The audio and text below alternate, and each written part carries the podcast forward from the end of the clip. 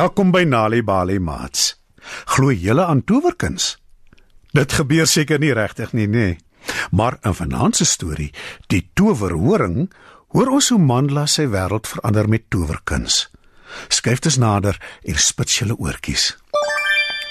Mandla bly in 'n hut naby 'n groot marula boom langs 'n pragtige meer. Maar die plek het nie altyd so gelyk nie. Lank gelede was dit 'n yslike woestyn. Kom ons hoor hoe die woestyn in 'n meer verander het. Toe dit nog 'n woestyn was, was daar nie veel om te eet nie. Maar die marula boom langs Mandla se hut dra altyd baie soet vrugte. Mandla eet baie marulas en wat oorbly, verkoop hy op die mark aan die ander kant van die woestyn. Eendag toe Mandla op pad is mark toe met 'n groot sak vol marulas op sy rug, kom hy 'n brandmaar bobbejaan te wat op 'n rots sit. "Hallo," sê Mandla vir die bobbejaan. "Wil jy van my heerlike soet marulas hê om te eet? Ek is op pad mark toe om hulle te verkoop, maar ek kan 'n paar aan jou afstaan. Jy lyk vir my honger." Mandla gee vir die bobbejaan van die ryp marulas. "Wat 'n gawe gebaar," sê die bobbejaan terwyl hy smil. "Ek gaan jou 'n geheim vertel omdat jy so bedagsaam is." Die bobbejaan spring van die rots af. "As jy noord gaan," sê hy en wys na 'n droë rivierbedding, "dan sal jy 'n klein dorpie aantref vol klein mense." Hulle hou regtig baie van marulas. Hou kyk of jy jou marulas kan ruil vir die groot dierehoring in die middel van die dorpie.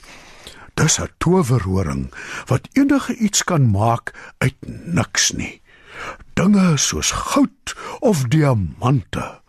Die enigste ding wat die horing nie kan maak nie, is kos. En dis hoekom die klein mense van die klein dorpie altyd op soek is na iets lekkers om te eet en marulas is hulle gunsteling peselappie. Die bobbejaan knipoog en lek sy lippe af. Mandla bedank die bobbejaan en loop noord, al langs die droë rivierbedding totdat hy by die klein dorpie aankom. Die klein mense kom almal uit hulle huise om hom te groet. Hulle lag en gesels opgewonde toe hulle sy groot sak marulas sien. "Maak plek," sê 'n pieperige stem. 'n Klein vet mannetjie beur deur die skare. "Ek is die hoofman van die dorpie," sê hy. "Ek wil graag jou marulas koop. Ek kan jou goud, silwer en diamante aanbied." Die skare juig. Mandla sien die towerhoring in die middel van die dorpie. Ek sal al my marulas vir jou gee, sê Mandla. In ruil vir die horing. Maar sê die hoofman en hy vertel 'n wit leentjie. Dis horing dis is waardeloos. Jy wil tog sekerlik eerder goud, silwer en diamante hê. Mandla haal 'n marula uit die sak, sit dit in sy mond en kou stadig daaraan. Ek wil die horing hê, sê hy. Nou goed, sê die hoofman vir sy mense. bring vir hom die towerhoring. Toe Mandla die dorpie verlaat, bekyk hy die horing. Dit lyk nie juis vir hom vreeslik spesiaal nie. "Eh, Ek gaan dit toets, sê hy en maak keel skoon. Horing? Eh, Maak vir my 'n sak goud. 'n Helder lig flits skielik. 'n Sak goud val uit die lug en land voor Mandla se voete. Hy tel dit op en kyk verbaas en bly daarna. Oh, "Dit werk regtig," sê hy en klap sy hande. "Ek beter dit gou by die huis kry." Hy begin loop en die sak met goue muntstukke klingel. Die son is baie warm en sommer gou is Mandla dors.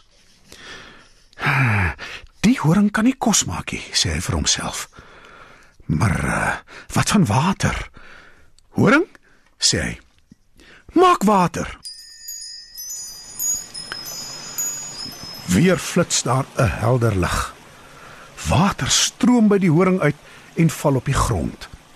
Mandla drink gulsig van die water wat uit die horing stroom.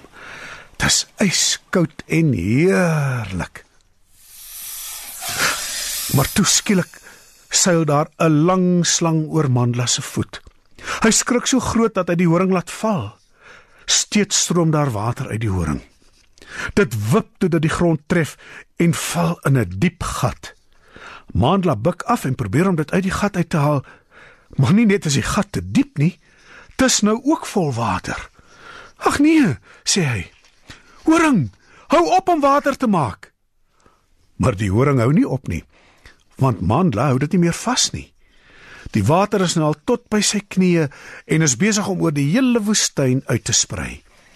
Hy probeer nog een laaste keer om die horing in die hande te kry, maar met geen sukses nie. Ek moet hier wegkom, sê Mandla. Anders gaan ek verdrink. Mandla hardloop weg terwyl water die woestyn agter hom vul. Teen die tyd wat Mandla by sy hut uitkom, het die woestyn in 'n meer verander. Ek dink ek gaan my goue muntstukke gebruik om 'n visstok te koop, sug Mandla. En hy gaan sit onder die marula boom. Miskien vang ek die horing in die meer soos 'n vis. En dis wat Mandla probeer doen vir die res van sy lewe. Hy vang natuurlik nooit die horing nie, maar hy word wel 'n beroemde visserman. Die horing is vandag nog steeds daar. Dit pomp nog steeds water in die meer en hou dit vol. Die meer langs die marula boom wat altyd vol heerlike soet vrugte is. Vanaand se storie, die towerhoring, is oorvertel deur Kai Tomi. Weet jy dat deur tuistories vir kinders te vertel en te lees, help om hulle beter te laat presteer op skool? As jy nog stories wil hê om vir jou kinders te lees of vir hulle om self te lees, gaan na www.nalibali.mobi op jou selfoon. Daar sal jy heelwat stories vind in verskeie tale. Jy sal ook wenke kry oor hoe om stories vir kinders te lees en met hulle te deel sodat hulle hulle volle potensiaal ontwikkel. Story Power. Bring dit huis toe. Besoek ons op www.nalibali.mobi of kry Nalibali op Facebook en mix dit.